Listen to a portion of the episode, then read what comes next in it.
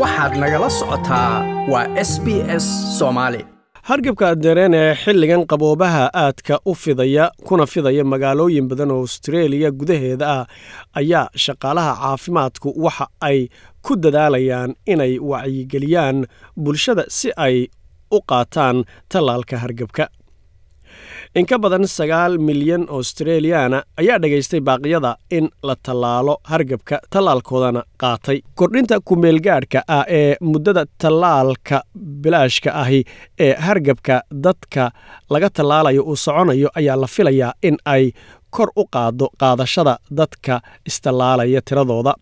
Laakiin waxaa lagu wadaa in ay wakhti dhow dhammaato muddadaasi sidaa daraaddeed dadweynaha waxaa loogu baaqayaa in ay qaataan irbadaha hargabka inta ay firiga tahay taasoo looga gaashaaman karo haleelidda hargabka daran ee haatan sida ba'an u faafaya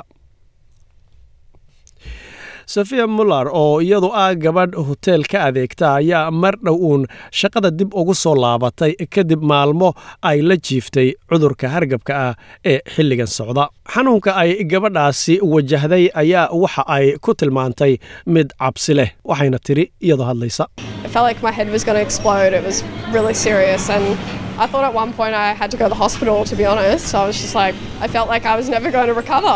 Yeah, it was very intense. waxaan dareemay in madaxaygu qarxayo runtii waxay ahayd mid halis ah run ahaantii mar baan is idhi waa inaad aaddo isbitaalka waxaan ahaa sida in aan dareemay inaana weligay soo kaban doonin waxay ahayd mid aad u daran gabadhan oo koob iyo labaatan jira ayaa sheegtay in ayna qaadanin tallaalka hargabka sababtuna ay ku sheegtay halis ay shakhsi ahaan kala kulantay tallaalkii sannadii hore ee hargabkan oo kale.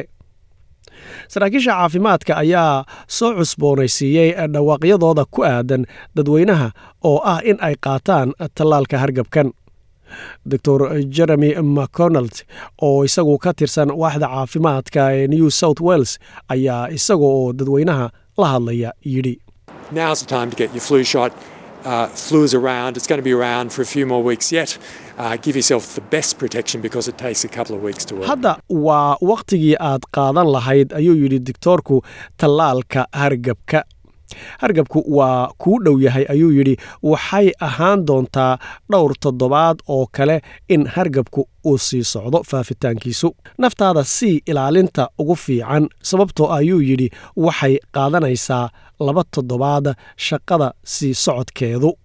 Sidaa waxaa yidhi doctor jeremy oo isagu ka tirsan waaxda caafimaadka ee new south wales hargabkan ayaa isagu ku faafa bulshada dhexdeeda si gaara meelaha dadka neeftoodu ay iska gaadho.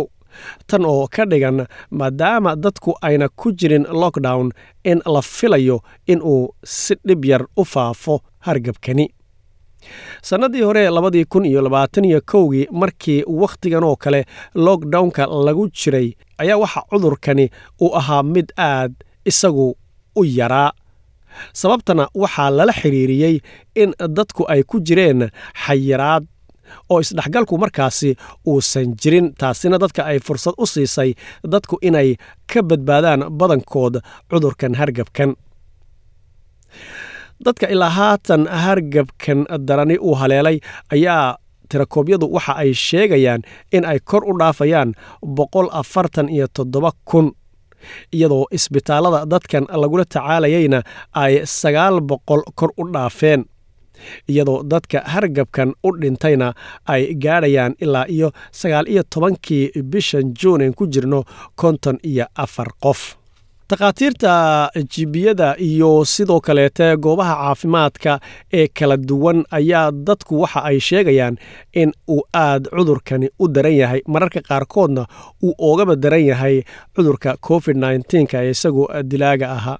Doctor siin yow ayaa isagu waxa uu leeyahay isagoo hadlaya intii lagu jiray cudurka covid nneteen-ka dhibaatooyinkan oo kaleete dadka haatan haysta ma ayna jirin inta badan marka tani waa sida ay u daran tahay ama u daran yahay cudurkani qaar badan oo buu yidhi ka mida bukaanada ayaa iyagu ka cabanaya in calaamadaha hargabku ay aad uga xun yihiin cudurka covid nka cudurkan ayaa waxaa sidoo kaleete la sheegay in haddaba goobaha la filayo inuu aadka ugu sii fido ay ka mid yihiin gobollada victoria new south wales iyo queensland. Doctor yaw ayaa isagu sidoo kale isagoo hadalkiisa sii wata waxa uu yidhi cudurkan hargabkuhu in uu ku meeraysto ama la meeraysto cudurka covid nka ah taasina ay ka dhigan tahay in dad badani ay u xanuunsan doonaan. Si gaara buu yidhi dadka iyagu aadka u tabarta daran. Marka waxyaabaha dadkani ay takhaatiirtu ugu naseexiyeen ayaa waxa ay tahay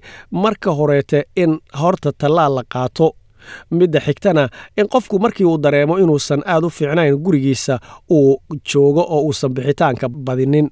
Sidoo kaleetana in uu tallaalkiisa dhanka cudurka covid nkana uu wada qaato. Iyo sidoo kaleete inuu xidho afxidhka goobaha dadku ay ku fara badan yihiin.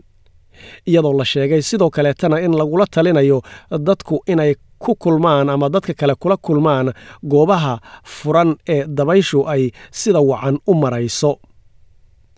Waxaa kaloo takhaatiirtu ay sheegeen in iyaduna uu jiro cudur isaguna dhanka ku saabsan xagga neefmareenka iyo sambabada isagu aad u weerara oo isagu fayrasa isaguna inuu ku dhex jiro hargabkaasi oo isagu aad u saamaynaya unugyada laga neefsado sida sambabada iyo meelaha kale ku xidhan